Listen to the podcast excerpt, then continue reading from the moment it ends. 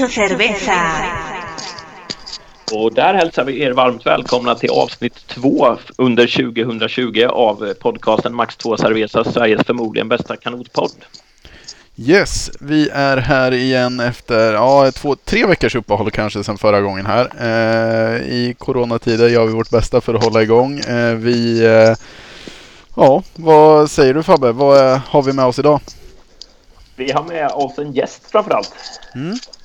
Vi får presentera honom. Vi har, det är en av, eh, vad ska man säga, ändå kanot-Sveriges senaste års mest eh, utstående stjärnor som har gjort fina resultat på både nationell och internationell nivå. Eh, och ja, vi är mycket glada att ha med oss Erik Sandbacka här idag.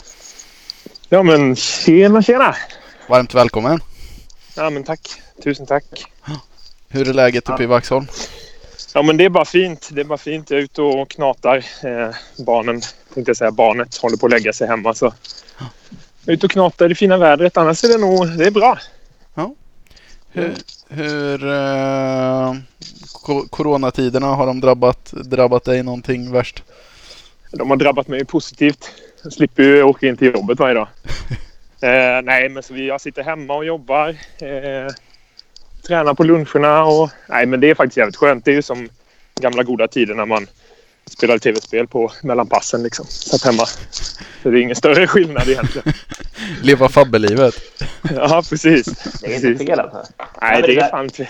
Det där är en sån sak som, jag- som slog mig. Det känns som att efter den här grejen med corona nu så kommer ju folk eh, ha en liten annan inställning till sin hygien i stort säkerligen. Folk kommer tänka på det där med hygien. Men undrar, frågan är om inte folk också kommer ha en liten annan inställning till det här med att göra saker på distans. Folk kommer ju liksom ha förstått att det finns klara fördelar med att göra det. Man vinner Jo, en massa tid sådär. Så jag, jag tror ändå... Jo men absolut. Jag tror att det kommer vara... Alltså väldigt många kommer ju börja köra mycket mer på distans hemifrån. Det märker man ju bara på där jag jobbar att många är mycket mer produktiva. Så är det ju. Ja, det är klart. Märker man att det funkar så är det ju ett, eh, ja, ett koncept att behålla sen. Liksom. Ja, verkligen. Det är, ju- det är kanske svårt att testa det här när man inte behöver göra det och därför är det ju liksom inte någon som vet om det funkar eller inte riktigt kan jag tänka mig. Ja, Nu måste vi och då är det ju... Då får man ju testa helt enkelt. Ja. Ja, men så Lite provocerat så. Ja, precis. Fabbe, du, du måste ju annars berätta om din, eh, din lunch idag om vi ska prata lite vad, vi har hänt, eh, vad som har hänt sen sist vi satt här och poddade. Den var ju legendarisk. Idag åt jag... Jag, vill, jag har ju velat starta en matblogg hela tiden men det har blivit en podcast istället. Men jag åt eh, nudlar, broccoli, kyckling, Monster energidryck och eh, Hawaiian Tropic sololja. Satan vilken matkanal du hade fått igång med det alltså. Alltså, Jag jag kände att kollat. den var så... Den var liksom så estetiskt tilltalande. Både för... Både för mig och alla mina följare. Så jag var tvungen att knäppa en bild på det. Om just kombinationen av nudlar och sen... Alltså du försökte med någon form av fitnessmat och sen toppar det med en monster också. Och en sololja. Ja, det, Hur mycket monster dricker du till luncherna Erik? Nej, det är inte mycket monster. Jag har aldrig smakat monster.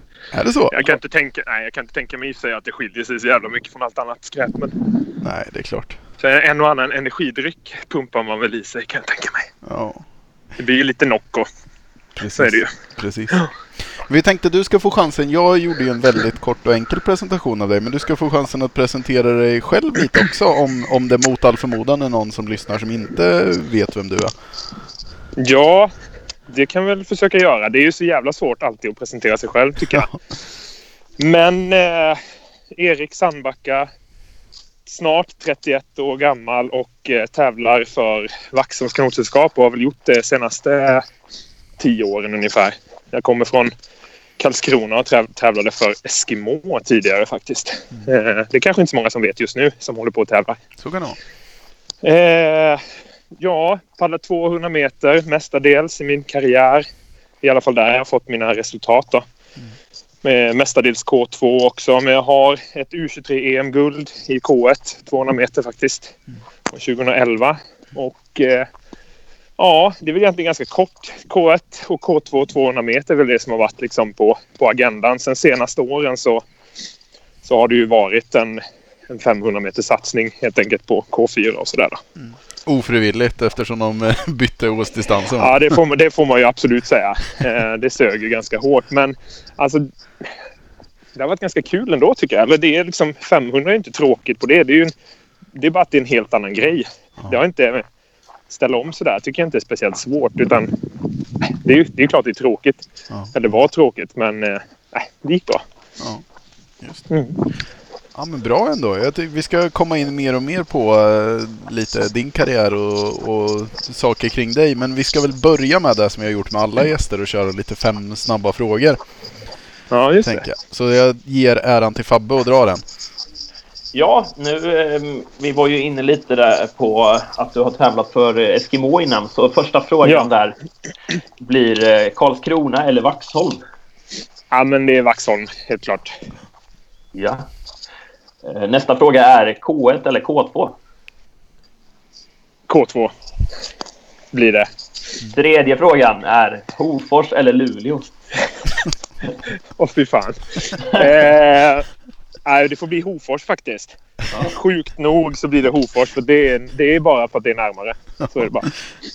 Vi har fråga nummer fyra. Eh, Martin eller Peken? Martin. Vi har fråga nummer fem. Vi vet ju att du gillar, du gillar hockey lite grann va? Ja, men lite. lite Ganska grann. mycket, ja. Ja. ja. Så frågan nummer fem är skipping eller tripping? Eh, jag vill köra tripping då. Det är bara för att jag älskar hur domarna signalerar utvisningen helt enkelt. Och sen vet vi även att du gillar att, att kränga av lite gamla kanotgrejer. Så Ja. fråga sex är blocket eller bakluckan? Nej, bakluckan är ju uppenbarligen bättre, det kan jag säga. Så te testa den om du ska sälja något. Bakluckan är ju fantastisk alltså. Ja, jag, var, jag kände mig faktiskt sugen re- redan. Det, är- Ja, jag såg, tack vare att de gjorde reklam för Blocket, att eh, genomsnittliga svensken hade grejer för 17 000 hemma. Eh, ja så det kan jag verkligen tänka mig. De skulle ju göra det genom bakluckan. Så jag tackar Blocket Ja. för tipsen. Men Ja, precis. Ja, men det, alltså på riktigt är det ju smart att sälja av. Alltså vad skit man har ligger hemma som man inte använder längre. Ja, verkligen. Alltså det finns ju så mycket prylar. Det är ju helt sinnessjukt kan Ja. jag tänka mig. Hos alla. Jag tror du och jag är lite lika där också Erik, att vi tycker det är kul att köpa sådana prylar med. Till... Ja, men så är det ju. Men prylar överhuvudtaget är ju ganska kul. Ja, jo det är ju det. Ja, ja det är ju det. Ja, men jag tyckte bra, bra snabba svar ändå. Eh, Ja. Jag ska se här, är det någon jag känner vi behöver en förklaring på? Ja men vi får väl ta en förklaring Dra lite på alla. förklaring på allihopa. Ja, kör du vidare då Fabbe.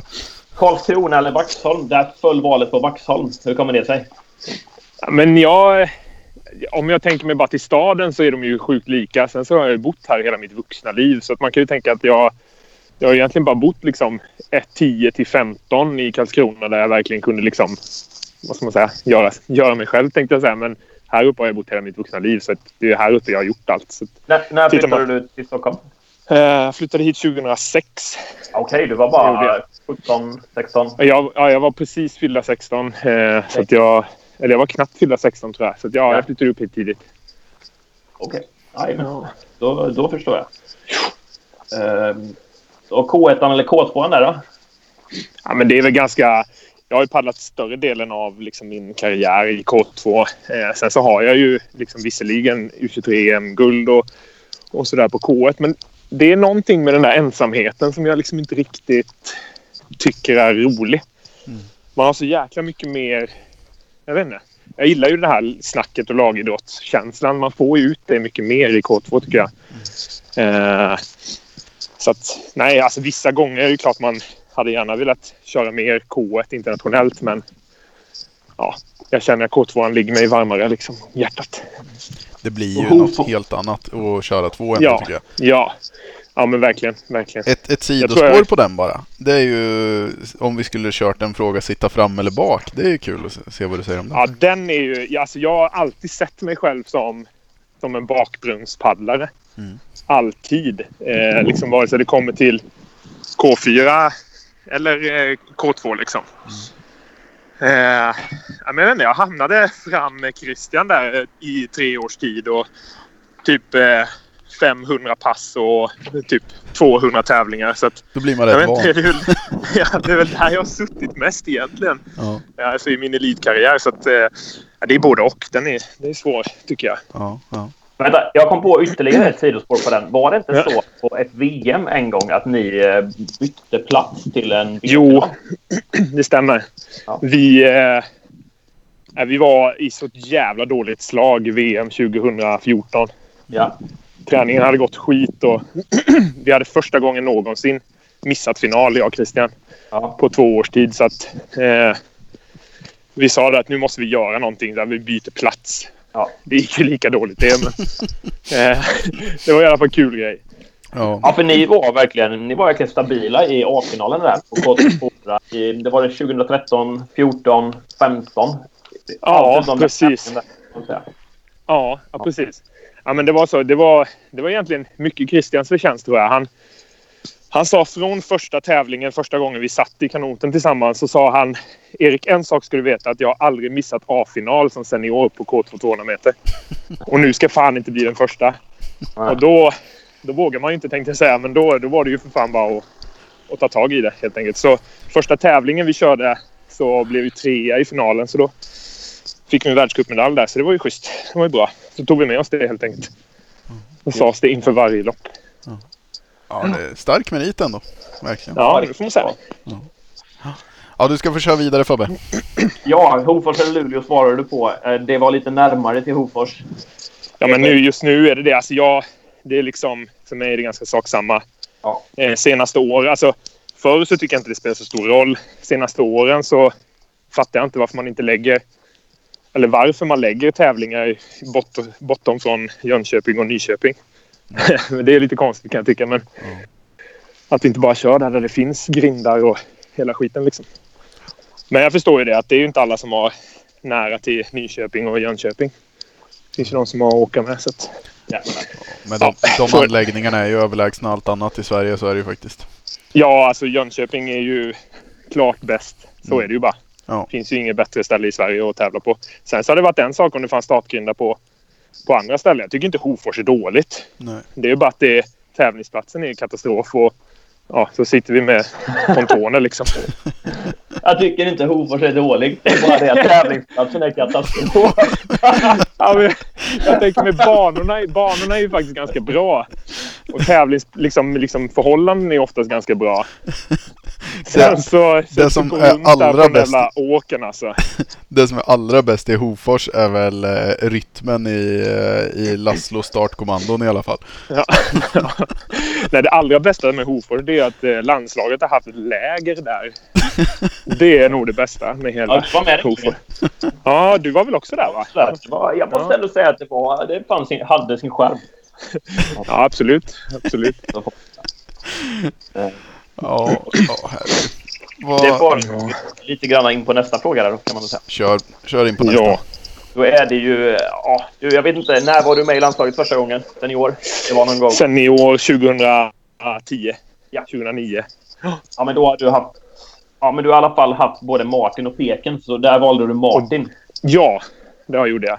Ja, men ganska enkelt. Eh, Martin var både min tränare då, som han var till alla andra, men och sen även förbundskapten.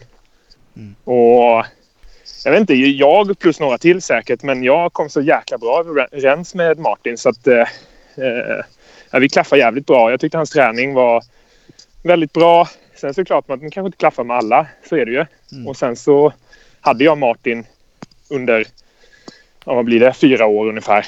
Tre år, fyra år. Och, och Peken har jag egentligen inte... Jag har ju varit lite skadad här i slutet och hoppat över lite så att jag har inte riktigt... Man får inte riktigt den kontakten och speciellt inte när man har den här tränarrollen som Martin hade. Det blir lite tajtare då. Förstår du? Har du lyssnat när, på avsnittet när Martin var, var Ja, med oss? Ja. absolut. absolut. Han var slipad. Han, han bjöd inte på så mycket eh, saftigheter. Han höll, han höll sig professionell. Nej, och han har ju saftigheter, det kan jag tänka mig. ja, det, det tänkte vi med.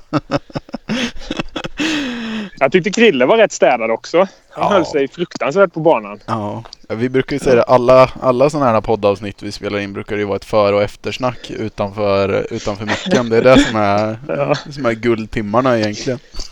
Och vill man lyssna haft- på det, då kostar det extra. Ja, vi skulle ha ett sånt premiumkonto Ja, där vi släppte före och eftersnack.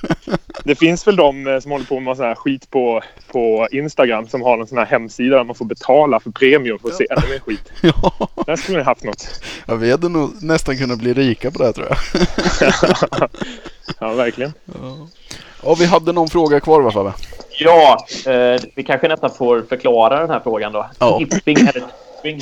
Det var i alla fall när en av de ny, eller ja, nya och nya, men en av de nuvarande förbundstränarna där då, Åsa Eklund, skulle vara med på sitt första träningsläger. Så, så skulle vi under ett löppass utföra skipping som var helt nytt för, för allihopa. Jag vet inte, fortfarande inte riktigt vad det är. Ja, men nej, skipping, är- ja, alltså det är ju så här, löpskolning kallas det. Nu, nu kommer jag in sån här som fullkomlig insnöad eh, idiot på löpning helt plötsligt. Men det är ju till en sån här löpskolningsgrej för att få ett bättre steg bara. Ja. Det Ganska, gjorde enkelt. ganska fall- värdelöst för konditionen för det hjälper ju inte ett skit. Träningsmässigt. Vi körde som någon form av uppvärmning va, tror jag? Var det Ja, kan ju säkert vara bra att göra. Ja. Absolut. Men kan, kan man inte och kan man inte lära ut det, då blir det svårt. Ja, så är det Men om du ska välja skipping eller tripping? Ja, men just det är ju roligare att titta på tripping. Skipping är inte så kul att titta på. Det var nog lite kul att kolla på Jeppe när han körde skipping. Ja, ja. det kan jag tänka mig. Det har Ja. sitt underhållningsvärde där med. Ja. Ja. Och så var det ju sista frågan då? Locket eller bakluckan och där var det bakluckan sa du? Självklart. Ja. Fan, Blocket har ju pengar. Det är ganska enkelt. Nej då, men eh, det var ju att jag sålde ju massa prylar i, på Instagram. Ja. Eh, jag har ju sett andra göra det och jag tänkte vad fan, jag har så jävla mycket skräp som ligger. Så jag tänkte testa och då gick ju det på en kvart liksom. Ja. Det var ganska bra. Ja, det var en bra deal. riktigt bra. En kvart och 2000-3000 spänn in liksom. Ja, Fan, det borde ni testa. ja Behövde du posta iväg de här grejerna eller behövde du? Ja, jag postar. Eller vissa, kommer, vissa var i klubben som kommer hämta och vissa postar och sådär. Det var ingen som köpte hela paketet, bara tog ett stort Nej, köp. Liksom. ja, det var någon som, från klubben som, var, som ville ha både glasögon och fler, fyra kapell och sådär. Vem fan på. behöver fyra kapellens liksom? Ja, men har man två, två barn, alltså alla tre, det var två barn som paddlade och så pappan paddlade också. Så det är jättebra Jaha, att kunna. ja, ja okej. Ja. Ja. Det var ett Nu familjeköp. när inte Canuck står på alla tävlingar. Vet du. Nej. De säljer sina fina Canuck-kapell. Det är lite kult att sälja ett Kosa-kapell ändå. Ja, verkligen. Alltså jag, har ju, jag har ju säkert tre stycken sådana kvar. Ja, ja. Eh, jag kommer ihåg att jag fick tre stycken kapell av eh, Mikaelas och Ilonas eh, pappa. Mm. Eh, ett år. Det här är typ 2008 kanske. Yes. Något sånt. Då fick jag tre kapell av honom och de har fan bara legat där. Sen så har jag kvar ett av dem eller två av dem som är jävligt fina. Mm, mm. Ja, det är lite historia i de där. Ja, verkligen. Ja. ja, men gött då. Fabbe, kan inte du köra vidare på gästfrågorna vi har fått in? Eh, jo, det kan jag göra absolut. Eh, vi börjar med eh, den första här. Eh, hur, eh, hur får man en explosiv sockertopp? Oj, den var inte lätt att svara på. Men en explosiv sockertopp. Eh, ja, hur gör man då? Nej, men det är väl bara att trycka en jävla massa socker. Antar jag. Ja.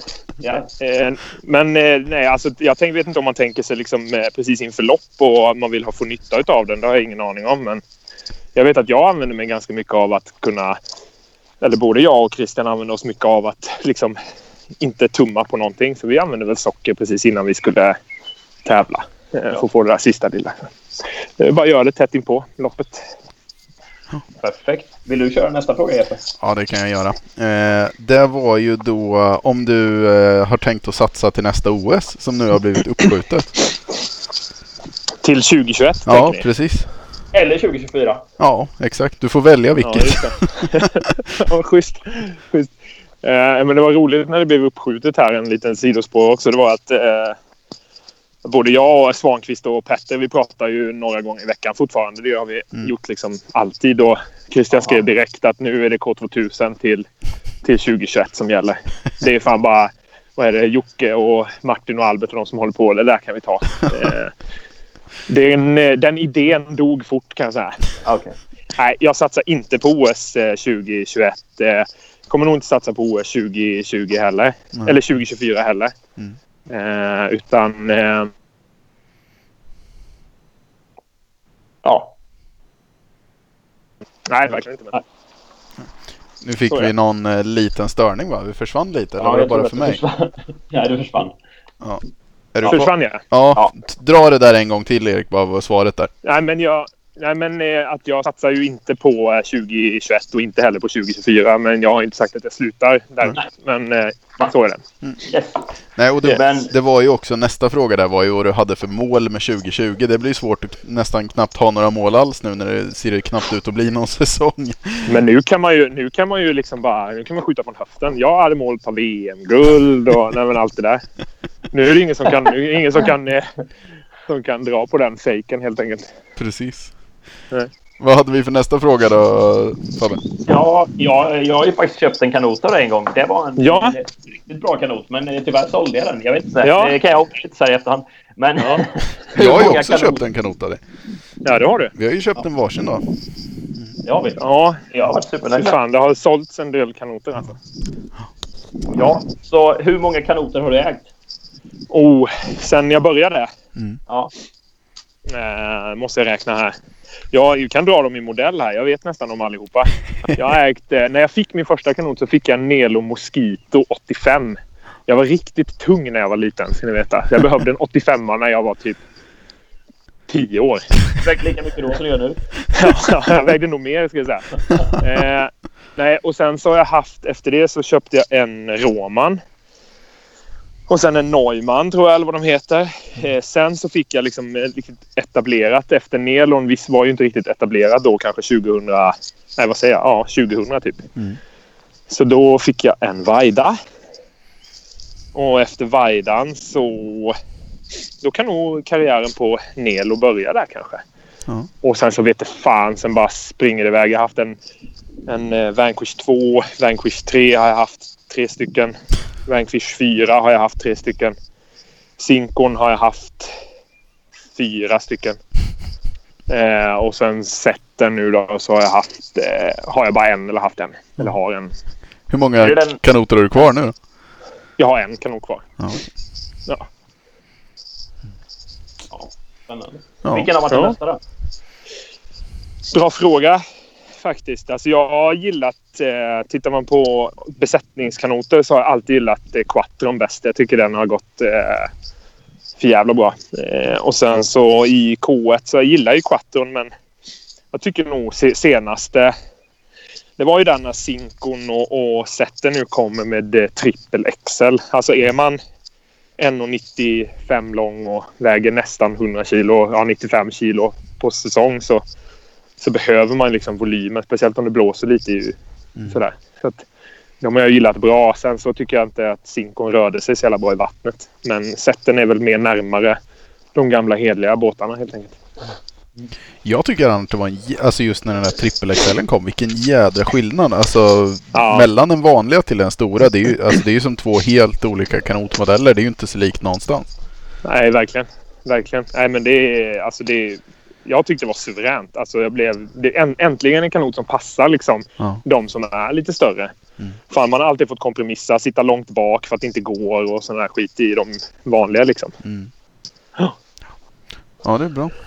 Vi hade en gästfråga till och det var eh, vilken du anser är din största merit.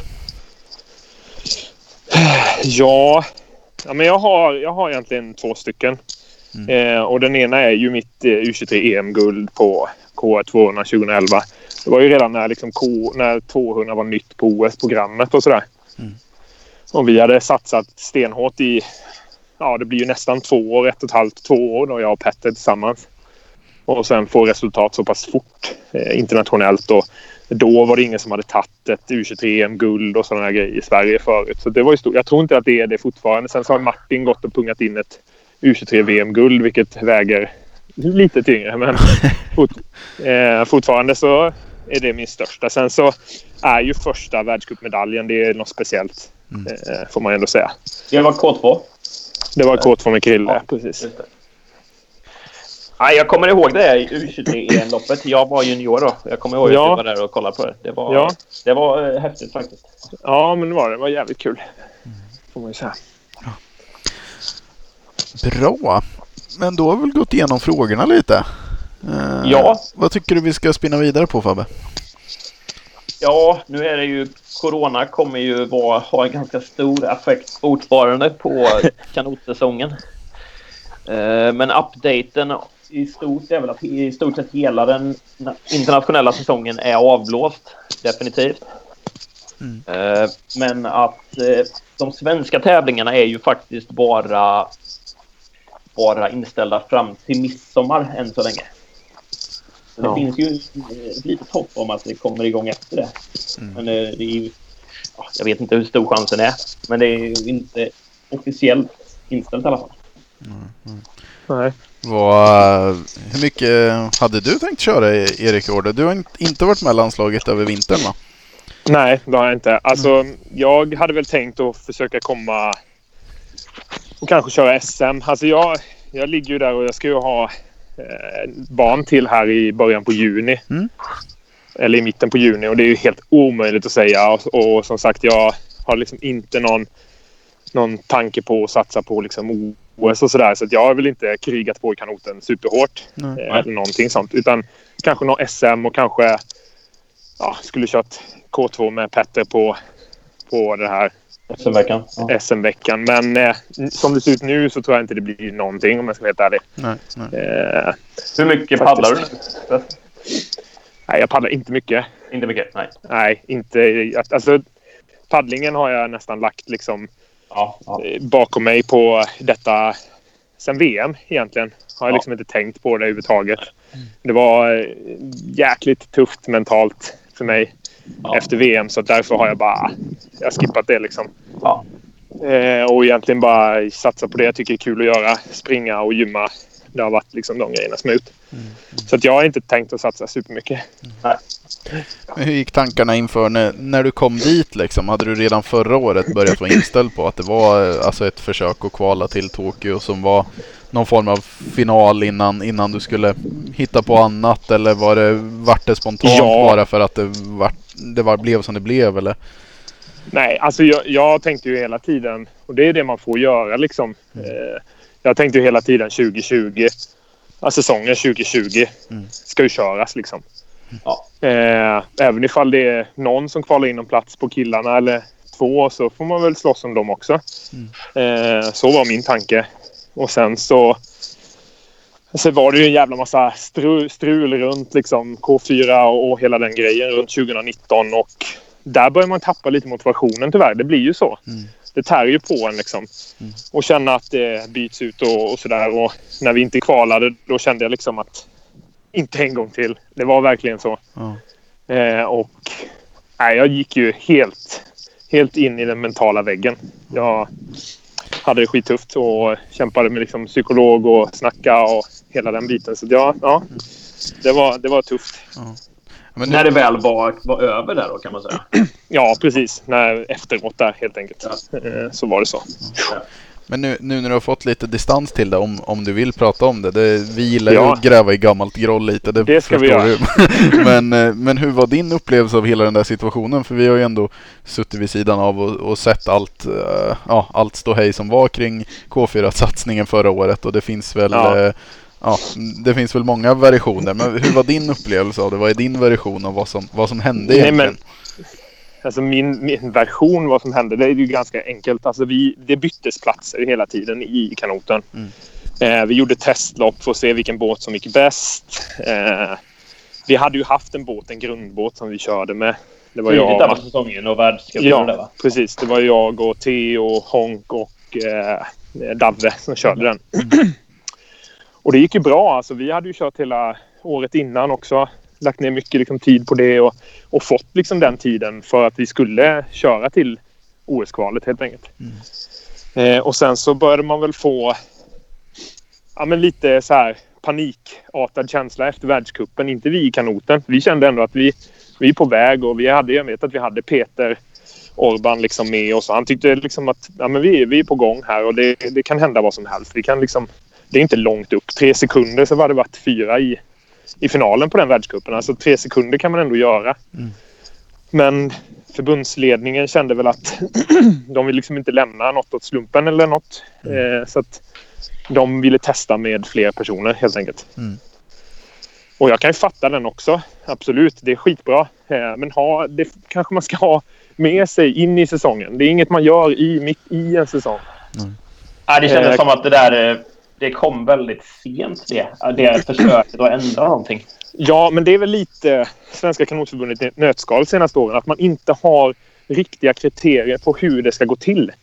Nej. Alltså det, det är så enkelt i många andra sporter för att det är liksom, man vet hur det, ska, hur det ska vara. Det är liksom satta regler liksom från början. Men, men här är det inte riktigt det på det sättet. Utan man skjuter lite från höften ibland kan det kännas.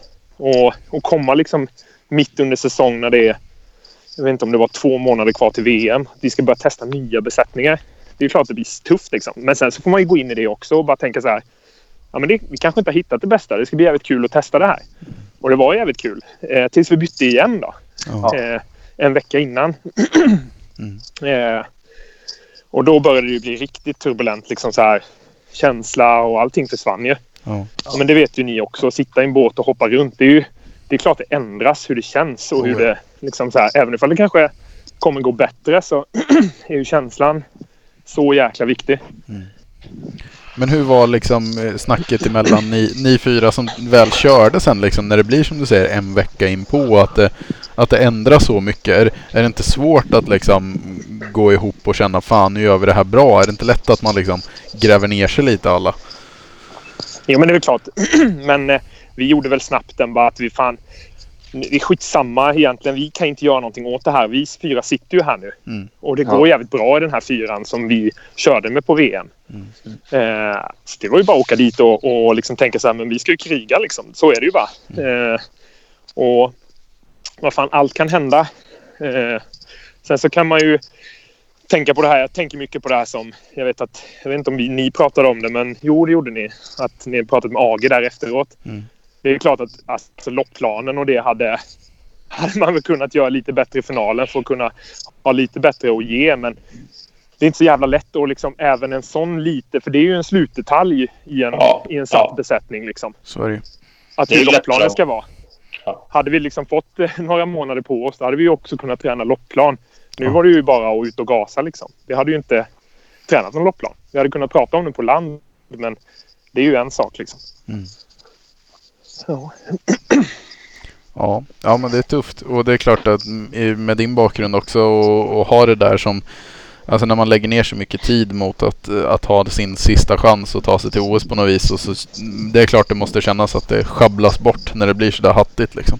Ja, och sen så... Alltså, jag har inte haft en, en felfri liksom, fyra års period med träning och, och sådär. Jag har liksom opererat och hoppat över till tävlingar. Och, Mm. och det, är- det är ju klart att jag hade säkert också kunnat göra det bättre. Eh, men det är allt liksom. Ja, Så länge jag kan påverka min egen del, då får jag liksom... Jag har gjort så mycket jag kan nu. Visst, jag hade kunnat göra lite till kanske. Men när det kommer alla de här utomstående faktorerna. Speciellt att man ska vara fyra stycken i en båt så alla ska ha gjort sitt. Det tvivlade jag inte på en sekund att alla hade gjort sitt fram till dess. Men sen så ska det komma ytterligare personer som är på tävlingsplatsen. Så kommer det ytterligare personer som inte är på tävlingsplatsen. Alltså allt ja. bara läggs på hög. Eh, så man bestämmer ju egentligen i slutändan inte, inte själv Nej. på det sättet. Det är tämligen komplext kan man väl säga. Ja, det får man säga. Så är det ju. Så är det ju verkligen. ja det, är, det är en tuff sanning det där, verkligen. Det, Ja. Ja, ja men eh, alltså det, det, det är ju så det är så det är och det är så det har sett ut många hur länge som helst. Mm. Det är ju bara så. Ja. Eh, och det är ju, jag fattar ju från båda hållen att det är tufft att hålla koll på allting men Mm. det är som det är.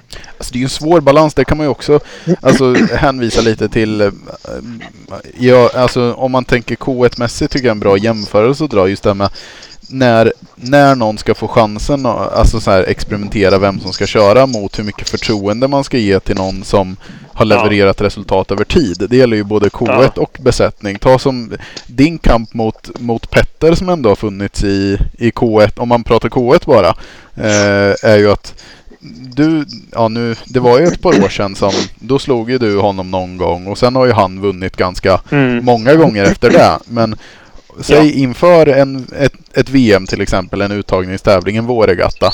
Om, om du hade slagit honom en gång, skulle du då Ja. få chansen att köra VM för att du verkade vara i bäst form? Eller skulle Petter få chansen att köra för att han hade vunnit fyra raka innan dess? Hur, hur Ja. tar man ett sånt beslut liksom? Och det är ju samma sak med besättningar den där är, med. Den är ju tuff. Jag tycker den, alltså jag tycker den själv individuellt är ganska enkel. Mm. Alltså man, där får man ju titta på erfarenhet och, och om någon har vunnit fyra raka, det är, det är som i vilken annan sport som helst. Bästa av fem liksom. Nej men, Mm. alltså det är ganska enkelt. Mm. Det spelar ingen roll om man vinner en om den andra vinner fyra.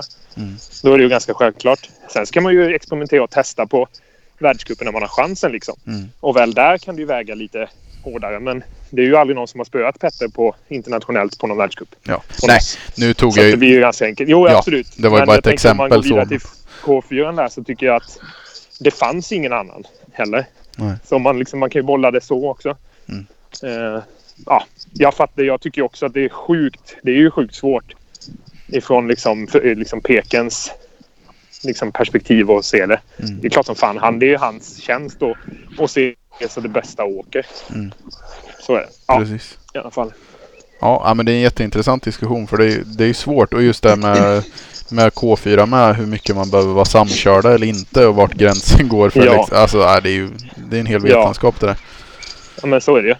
Alltså det är ju inte för inte som Vaxholms K4 vann jättemycket ett tag när Petter och jag var bra och så kastade vi Micke och så kastade vi Gusten och så kastade vi Björn. Men det är ju för att vi tränade ju faktiskt på hemmaplan Mm. ganska Ja. mycket inför SM. Mm. Och så länge det stämmer. Nu pratar vi liksom klubbbesättning på svenska mästerskapen. Mm.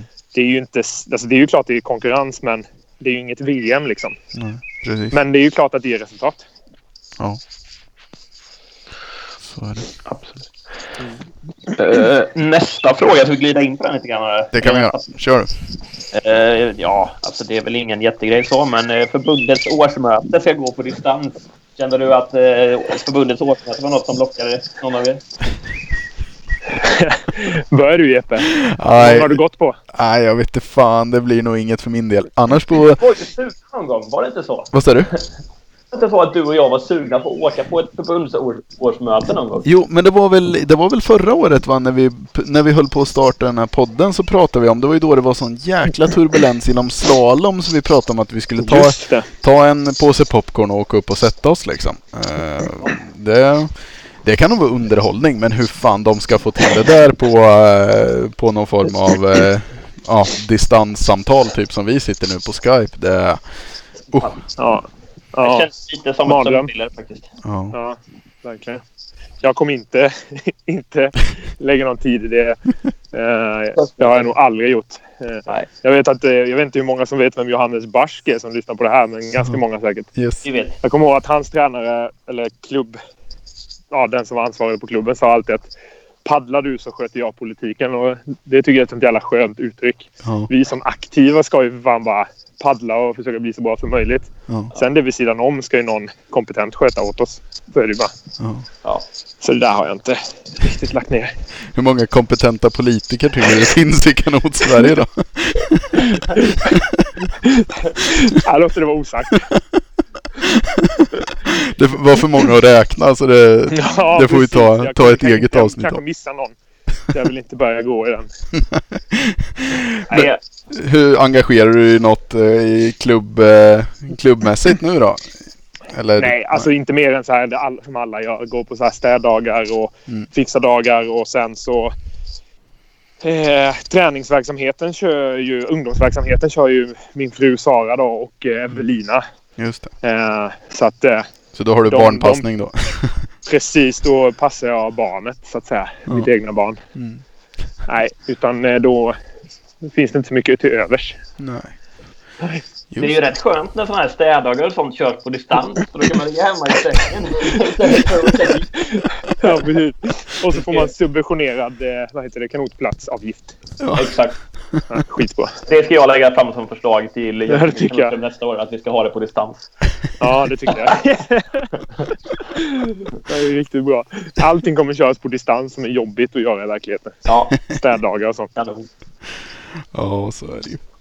Vi eh, pratade ju lite kort om vårläger förut här. Fabbe, du hade ju på lager något kul eh, vårläger. Du hade något tips va? Hur man skulle anordna Ja. vårläger i coronatider. Precis. Eh, jag, eh, nej, men jag pratade lite med min, eh, min syster bara häromdagen, då, Sofia, som hade varit nere på Rocksjön. Och då hade tydligen... Nej, men då, då skickade hon bara en bild på en, en kanotist som är ute och paddlar. Och så, så här kollade jag lite på den. Och så, det var ju ganska långt på, ehm, på avstånd så man såg inte så där jättetydligt. Men sen så fick jag ett förtydligande att det var Martin Attell som var i Jönköping och paddlade på Rocksjön. Och då, det hände väl sådär, Jönköping ligger ju ganska centralt till om man åker söderut eller norrut eller sådär. Att man kan stanna och paddla. Men tydligen så var han och ja, han var här på ett par dagars vårläger. Fy fan. Ja. Det är seriöst. Det är seriöst. Ja, ja. Det är, det är inte dåligt heller att åka norrut från sin hemort för att åka och ta Inte vårläger. nu i Sverige. Man åker upp 10 minusgrader kan man väl säga. Ja. Jo, men Martin bor i Skåne i vanliga fall så det är bara Ja, ta bilen, ta på sig vantarna och åka norrut och sen blir det läger. ja precis. Istället för att åka 10 mil söderut till, till Bagsvärd istället. Ja, fy fasen. Dock i Danmark har de väl så hårda coronaregler så de får knappt gå utomhus va? Ja, så är det. Så är det. Jag tror att de har lyft lite på det, men Ja. eh, ja, det kan jag tänka mig. Det är lite hårdare där. Men ni uppe i Stockholm måste ju märka av ett mer. Du sa ju att du jobbar hemifrån så du kanske aldrig är inne i stan längre. Men där känns det väl som att det märks Nej, mer alltså än det är ju jättestor skillnad. Det Ja. är det verkligen. Ja. Jag vet inte hur mycket som händer där ni bor nu. Det är ju samma strikta regler kan jag tänka mig. Man märker ju av det så jäkla mycket. Så här, bussarna inte går och eh, många sitter hemma och jobbar och så. Mm, mm. Restaurangerna går i konkurs och ja. Ja. det är lite kris alltså. Det får man lugnt säga. Det kan man säga. Mm. nej, men jag tycker att det här, eh, förtjänar en nominering till kanske det konstigaste vårlägret jag har hört talas om. Ja, ja, det var inte ett av de... eh, det, när man tänker vårläger så tänker man liksom inte på Pölen Rocksjön. Det gör man inte. Men ändå har man gjort några läger där. Men det är inte vårläger kanske. Nej, Nej. precis. Vart, vart eh, åker du helst på vårläger då Erik? Är det Florida? Eh, Florida är ju eh, liksom runt omkring och träningsmässigt. Det är jävligt kul, så kan man väl säga. och det gör väl det hela jävligt roligt också. Eh, sen så tycker jag att Montebello i Portugal, eh, Nelo Center. Mm. Det är ju outstanding om man tittar liksom resurser runt omkring. Eh, och sådär. Ni har ju varit där båda två. Ja. Boende är skönt och man har eget hus och maten är bra och ja men allt. Banor och skit. Montebello är Sen ju det jäkligt sjuka bra är ju ändå- Ja, kör du. Det sjuka är ju ändå att kanoterna på Nelo Center är ju sämst. Ja, det är jag faktiskt beredd att hålla med om. Det är jävligt konstigt. Ja, jag kommer ihåg första gången jag var där så trodde jag att de skulle ha bara alltså, nyaste, nyaste, alltså som en marknadsföringsgrej. Att de bara lånar ut deras bästa grejer de har för att sälja liksom. Men... De eh, tänker helt tvärtom. Jag kommer ihåg när vi var där 2019 på våren nu här så var vi ju och körde. Då hade vi ju en Vanquish 1K4. Mm. Ja. Och sen så hade vi Vanquish 2 från Nya Zeeland K2 kommer jag ihåg. Ja, just det. Som var alltså 2000. Liksom, Länge sedan. år 2000. 20 års gamla kanoter låg det där då. Utan fotstöd bra. också. Utan fotstöd och utan eh, roder. Ja. Daror. Nej, det var riktigt bra. Men Montebello är ju ett speciellt ställe för det är ju, alltså ska, ska man bara paddla så har du ju allt på en och samma plats. Men det är ju få ställen Ja, som är så precis. hjärndött som att vara i Montebello Nej, också. verkligen. Det är ju ingen åtta veckor på i Montebello direkt. Nej, fy fasen. Då hinner Nej. man med mycket skipping. Ja, fy fan. Det är då man får ta till skippingen. Eh, skickas ett allmänt tips till befolkningen i stort som sitter i karantän och är och långtråkigt. Då, då får Ta till skipping.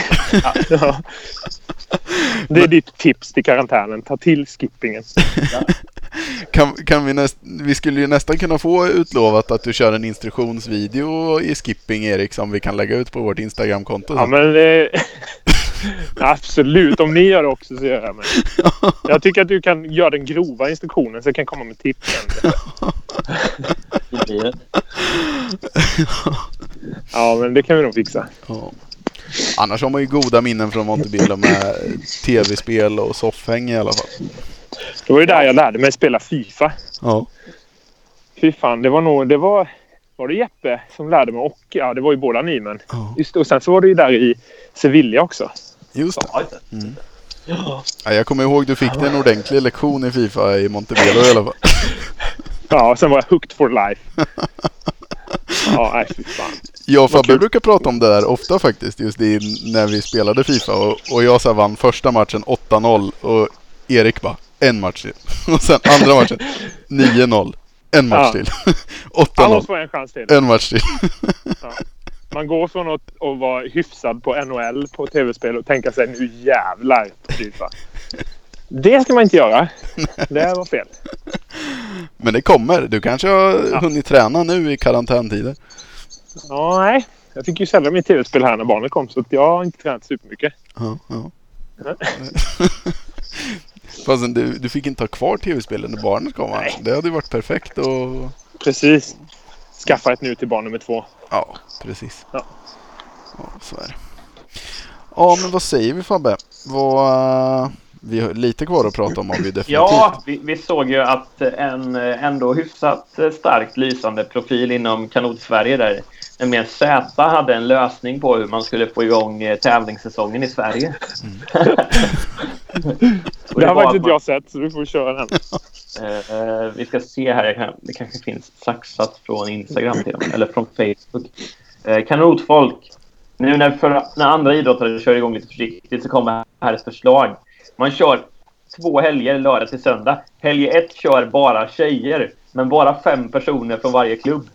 Sen kör killarna efter, helgen efter på samma upplägg. Inga killar får komma när tjejerna kör.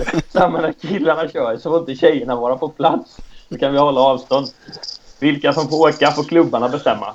Detta är ett förslag så att ingen tappar lusten i vattnet.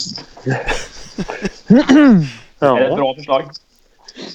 Alltså förslaget överhuvudtaget att det kommer upp att man kan tävla, det tycker jag är superbra. Ja, absolut. Men ja, jag vet inte. Ja, fan Z kanske har ju på, på, något på spåren här. Ja. Alltså, Eh, men jag tycker ju absolut att idén att liksom köra... Jag vet att alla andra idrotter gör ju någonting i den här liksom, tiderna. Eh, det är väl bara att köra. Jag vet att eh, heter det, Danny och de drog väl igång någonting det här med aktersnurren challenge-grejen. Mm. Det behövs ju mer sånt. Man kan väl göra det liksom på, på liksom sprintnivå också. Det behöver inte vara att paddla längst utan det kan ju vara att paddla snabbast på 200 meter så får man skicka in sina tider.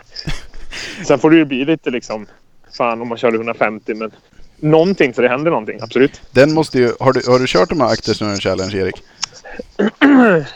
Nej, Nej. nej.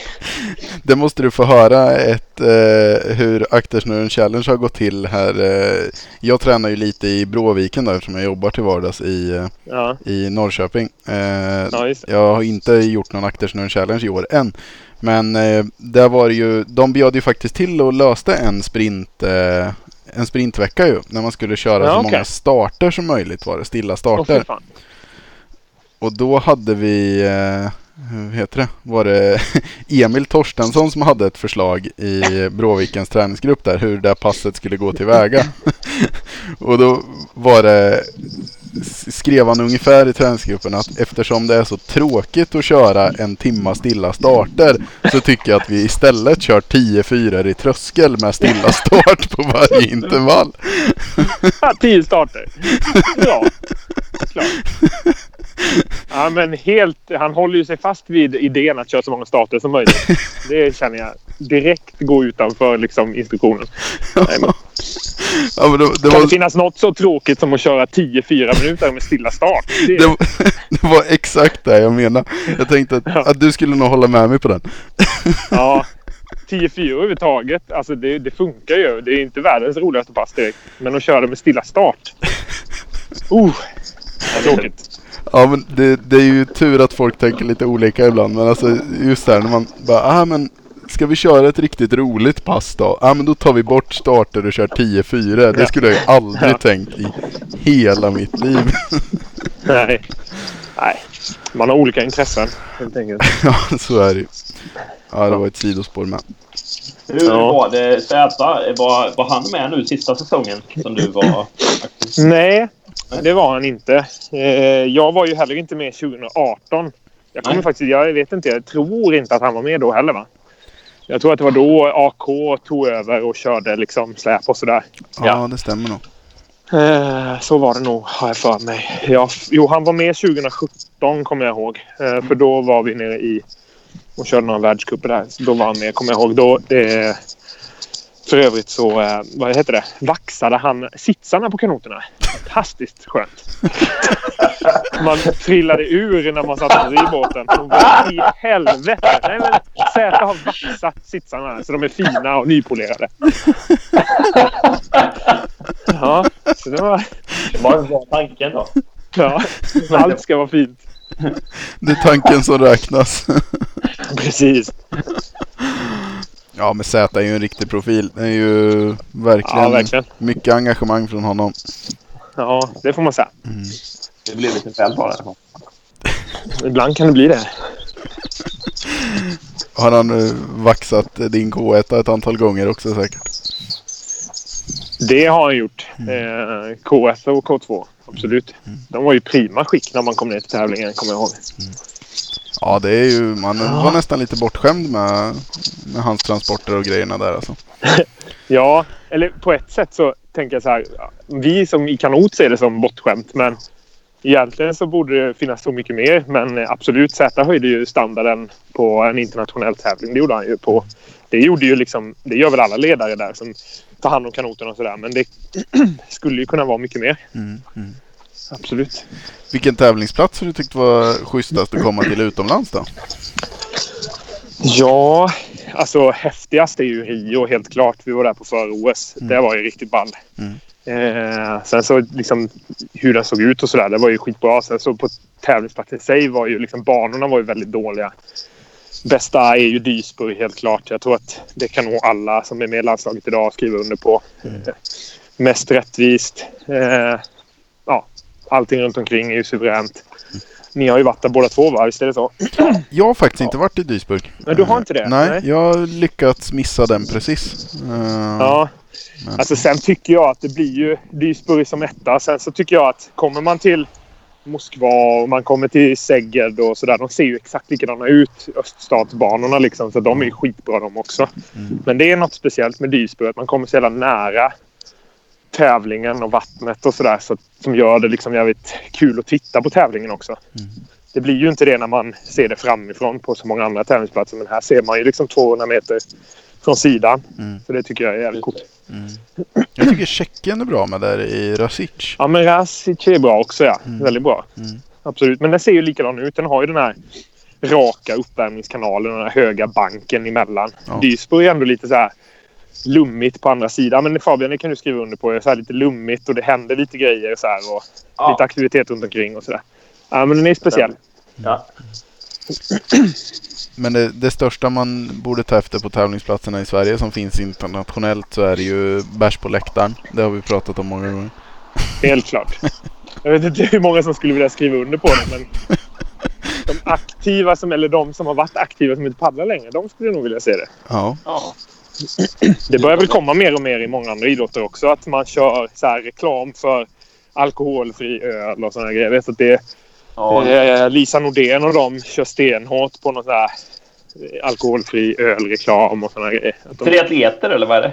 ja, precis. Okej. Det har jag missat Ja. helt. Ja, Vi Det är skickar den bollen vidare till eh, förbundet ja men gör det. Som inte finns. Gör det. Eller ja, hur det precis. Ja. Det Mm. kanske vore en ny karriär för dig Erik. Säljare på Kanotförbundet.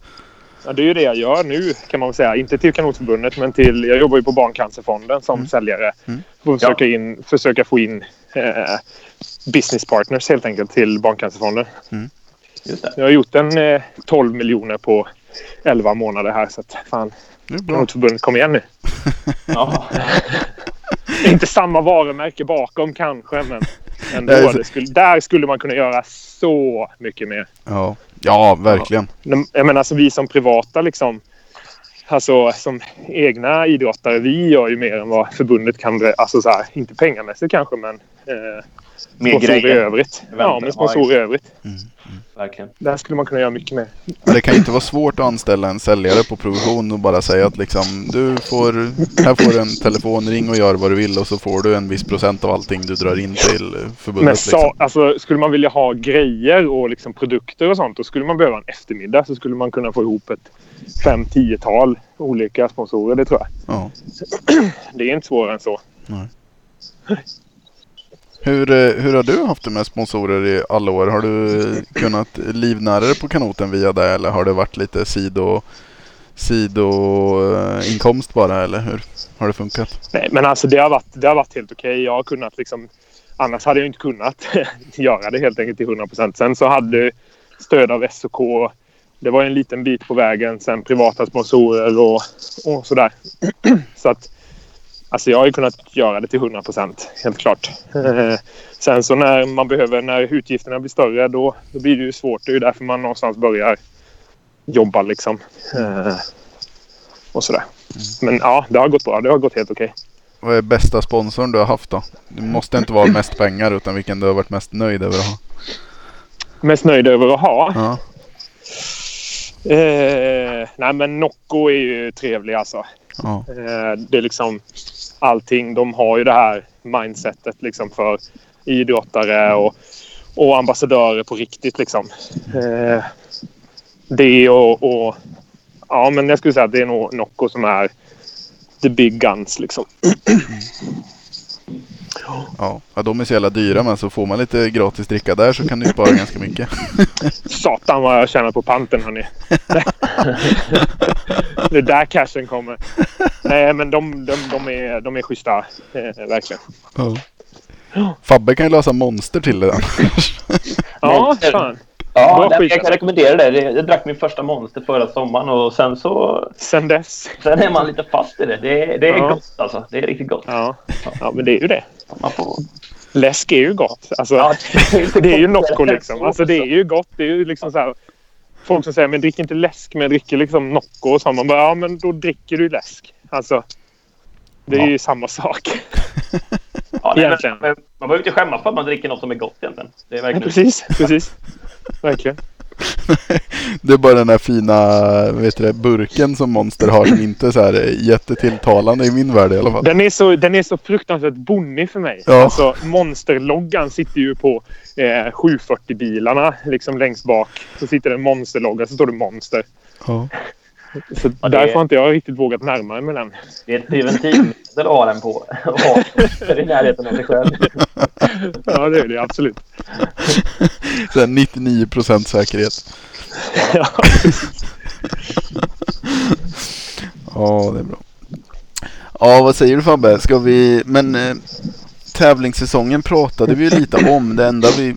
Du sa ju för sig inte att du skulle satsa till aktersnören Erik. Det missade du. Och...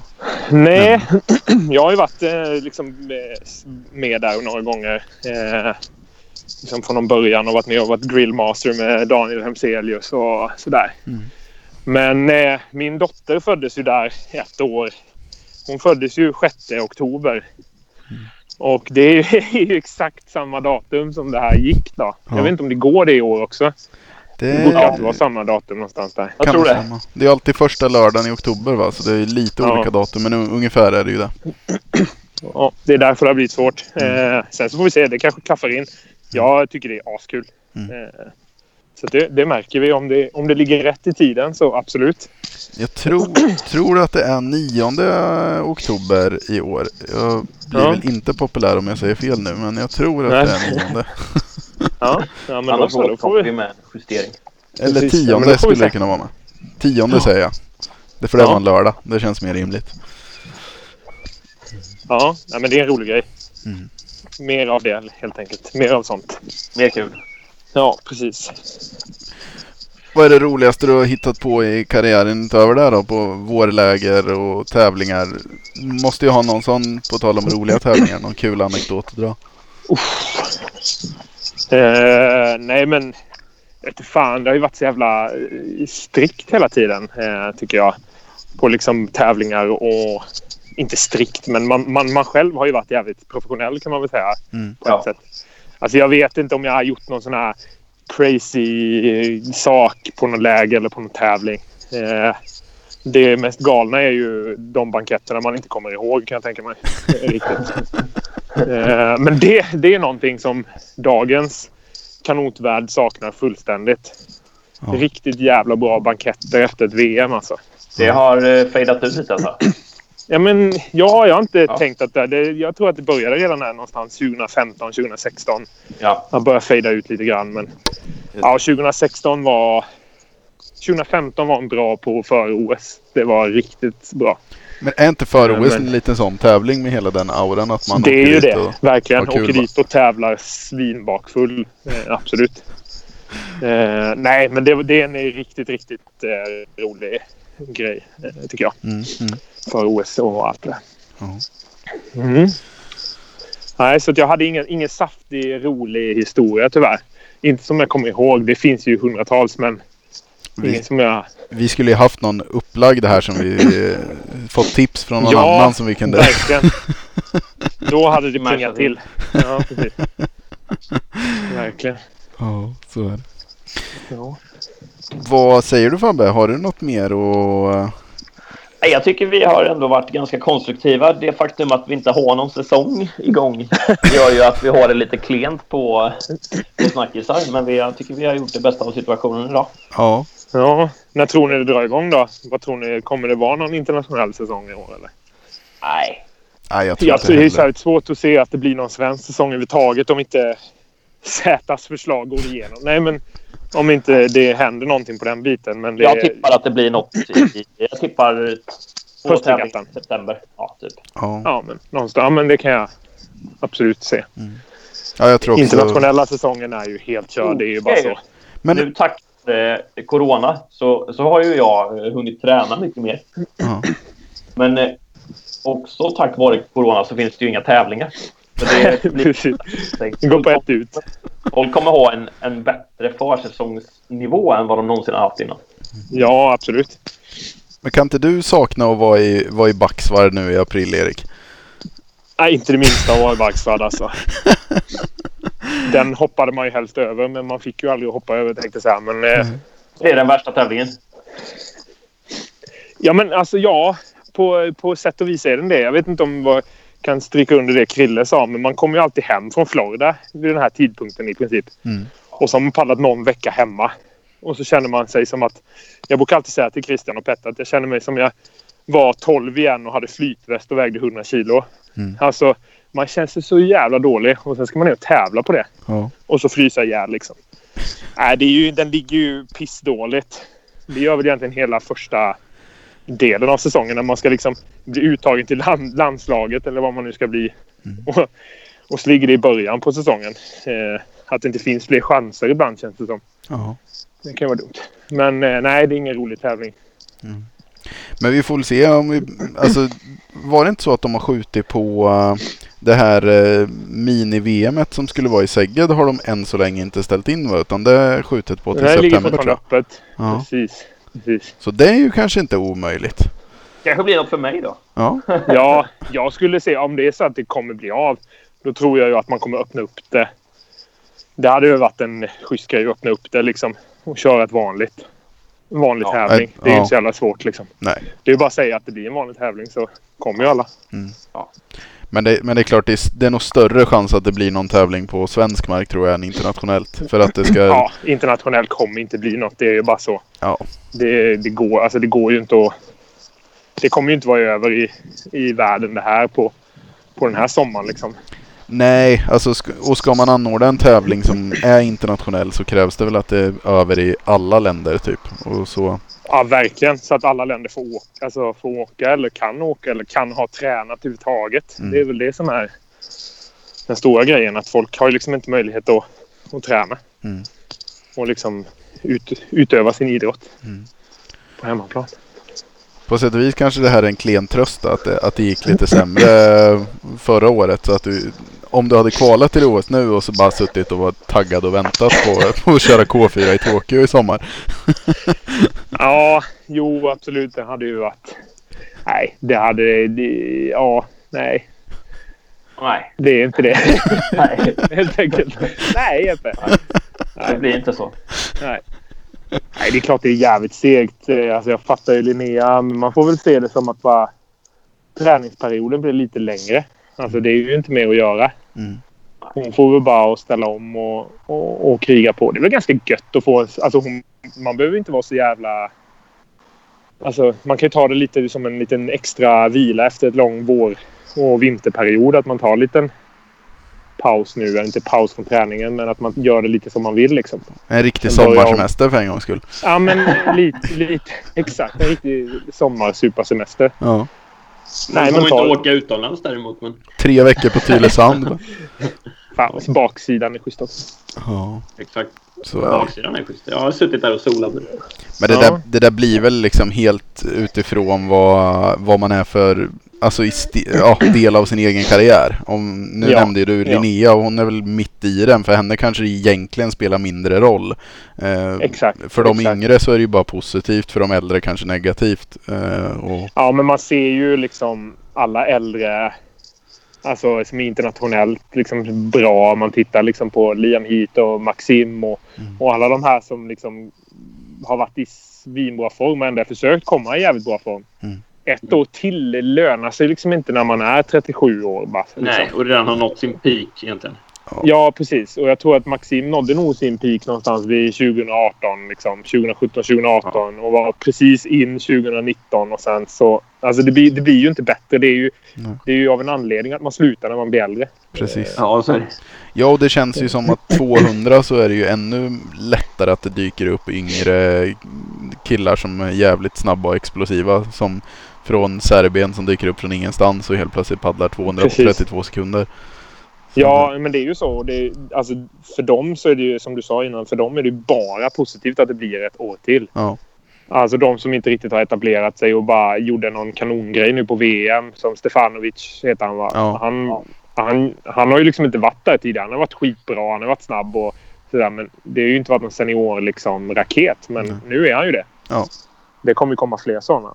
Verkligen. Eh, så att, eh, nej, vi får hoppas att de håller i det ett år till helt enkelt. Det lär ju bli ett Eh, hyfsat tufft eh, kval där på våren nästa år då. ah, fy fan. Man är så jävla osäker. Nu har man ju ändå en liten koll för så jävla mycket kan inte hända på en vinter. Nej.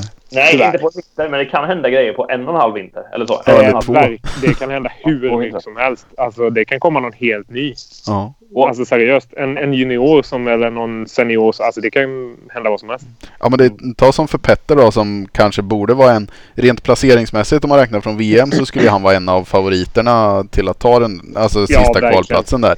Men Ja, nu till verkligen. nästa år så likväl som han kan vinna det kvalet skulle han kunna bli 20 i det kvalet med. Man Ja, vet ju inte liksom. Verkligen. Nej, verkligen. Så är det ju. Nej, han har ju... Ja, det, är- det är tråkigt. Jag tror ju att eh, Petter kommer... Alltså, det är klart han kommer köra för det. Mm. Eh, och han kommer göra det jävligt bra. Men det tråkiga är att ja, han är ju så löjligt bra form nu. Mm. Eh, vad man liksom ser och hör och när man pratar med honom. Och, eh, så det måste ju suga när man väl har liksom kanske... Jag skulle inte säga att kanske han har pikat, men eh, ja. Någonstans på sin topp liksom nu. Och sen så ska man försöka göra det igen. Det är ju det där när man blir äldre. Det var det jag strugglade med i slutet. Det var ju det här att att det är inte som förr liksom. Ja. Kroppen blir ju annorlunda liksom. Återhämtning och hur toppar man sig. Även om man har hittat det när man var 25. Det är inte samma sak när man är 35 sen. Det är sån jävla skillnad alltså. Det går inte att följa eh, träningsdagboken då Nej. liksom. Är det svårare att komma i form? Är det, är det bara ett annat sätt? Ja, men det är ett annat sätt. Det som jag tyckte var skitsvårt. Jag har alltid varit as, ja, men asduktig och älskar att träna mycket. Jag kan liksom, när jag var 20-22 då kunde jag köra fan hur mycket som helst.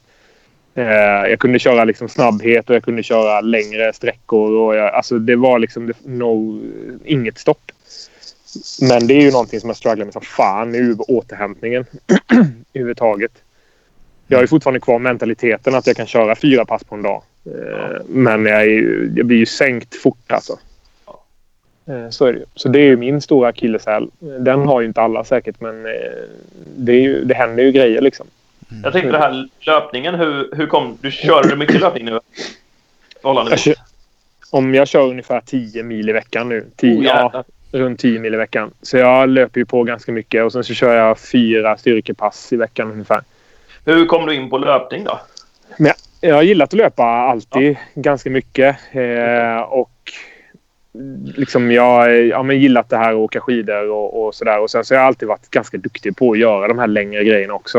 Eh, det har bara aldrig blivit av. Och sen så sprang jag mycket 2000...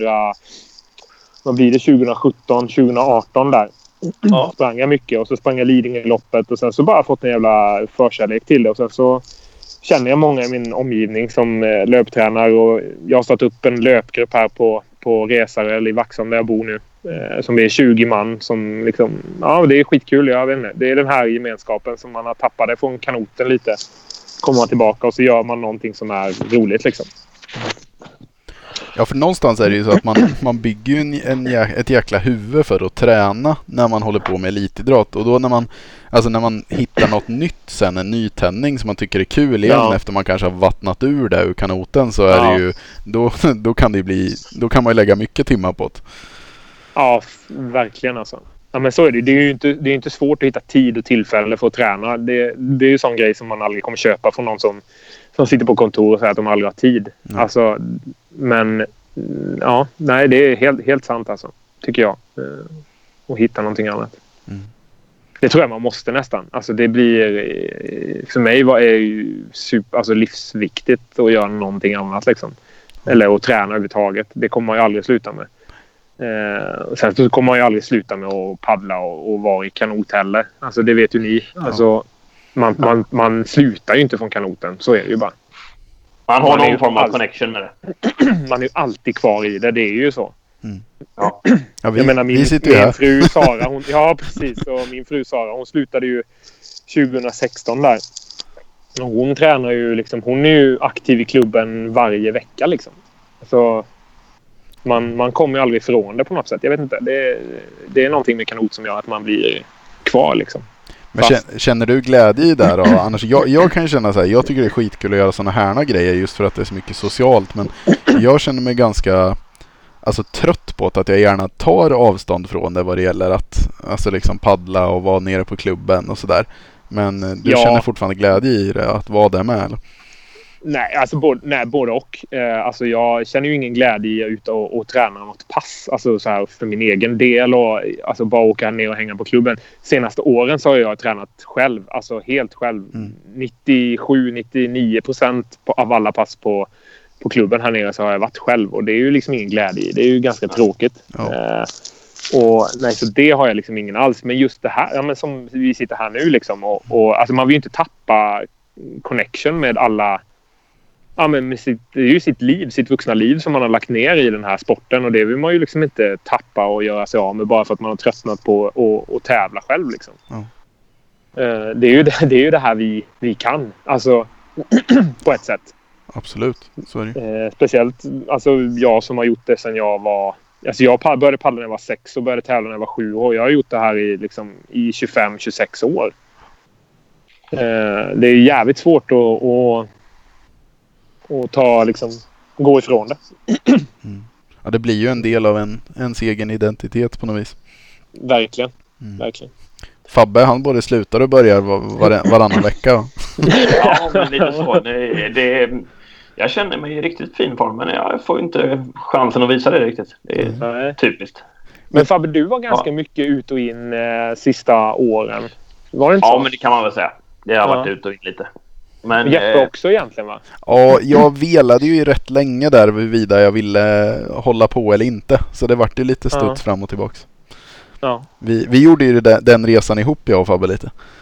ja, Ja, det det, kan, det kan man säga. Vi, och vi avslutade tillsammans också. Ja, ja men det, det var väl lite där vi hittade varandra från början egentligen.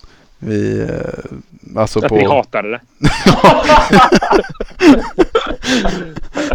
vi tyckte det var lika tråkigt ihop. Nej men vi, vi Ja, förstod väl varandra på det här viset att vi, eh, vi behövde samma grejer på ett läger för att liksom kunna ha roligt. Mm. Ja, men så är det ju. Mm. Verkligen. Alltså det är ju gemenskapen. Jag, som sagt, jag har inte haft någon jätteglädje i det sista åren. Men det är ju bara för att man har varit själv. Sen så lyser man ju upp på de här lägren och på... Så att det, det är liksom tillbaka som normalt. Men Mm. ja, det blir ju så när man skaffar familj. Liksom. Ja. Inte lätt. Och så slutade ju Krille och då blev det ju... Det var ju en riktig eh, dipp liksom. Ja. eh, För egen del. Så var det. ja det är klart, det, saknar man en träningspartner så, så det gör ju en jäkla skillnad. Ja, verkligen. Verkligen. Ja. Vad bra. Vi har väl... Nu kom vi på en massa nytt. Ja. Men det är ju, det blir så är det ju. Man spinner vidare på grejer. Det är trevligt. Ja, men det är kul. Det är kul. Mm. Det får bli mer av helt enkelt. Verkligen. Jävligt roligt att prata om. Det finns ju en hel del att gräva i. Det gör ju det. Ja. Men eh, vi kanske ska låta våra lyssnare steppa åt sidan för kvällen i alla fall. Men innan vi går mm, avslutar avsnittet så antar jag att du är förberedd Erik på att du ska få rekommendera två öl i alla fall. Ja, men helt klart. det, kan jag ju, det kan jag göra.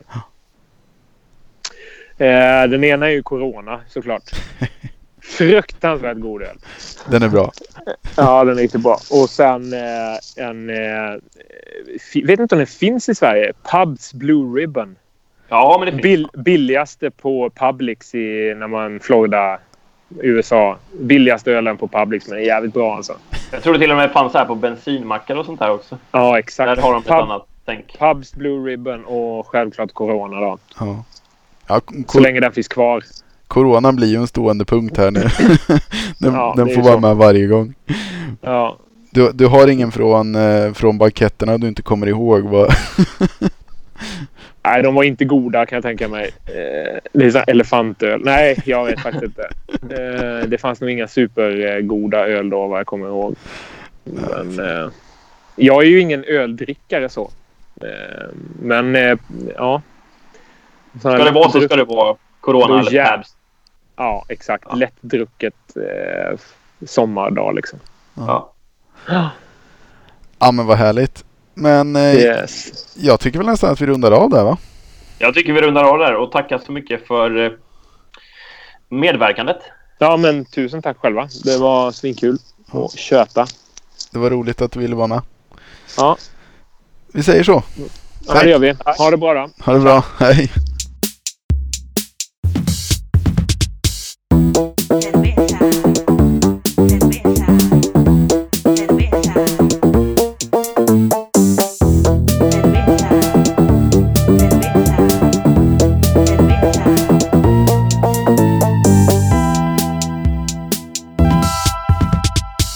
Yo tu mucho cerveza.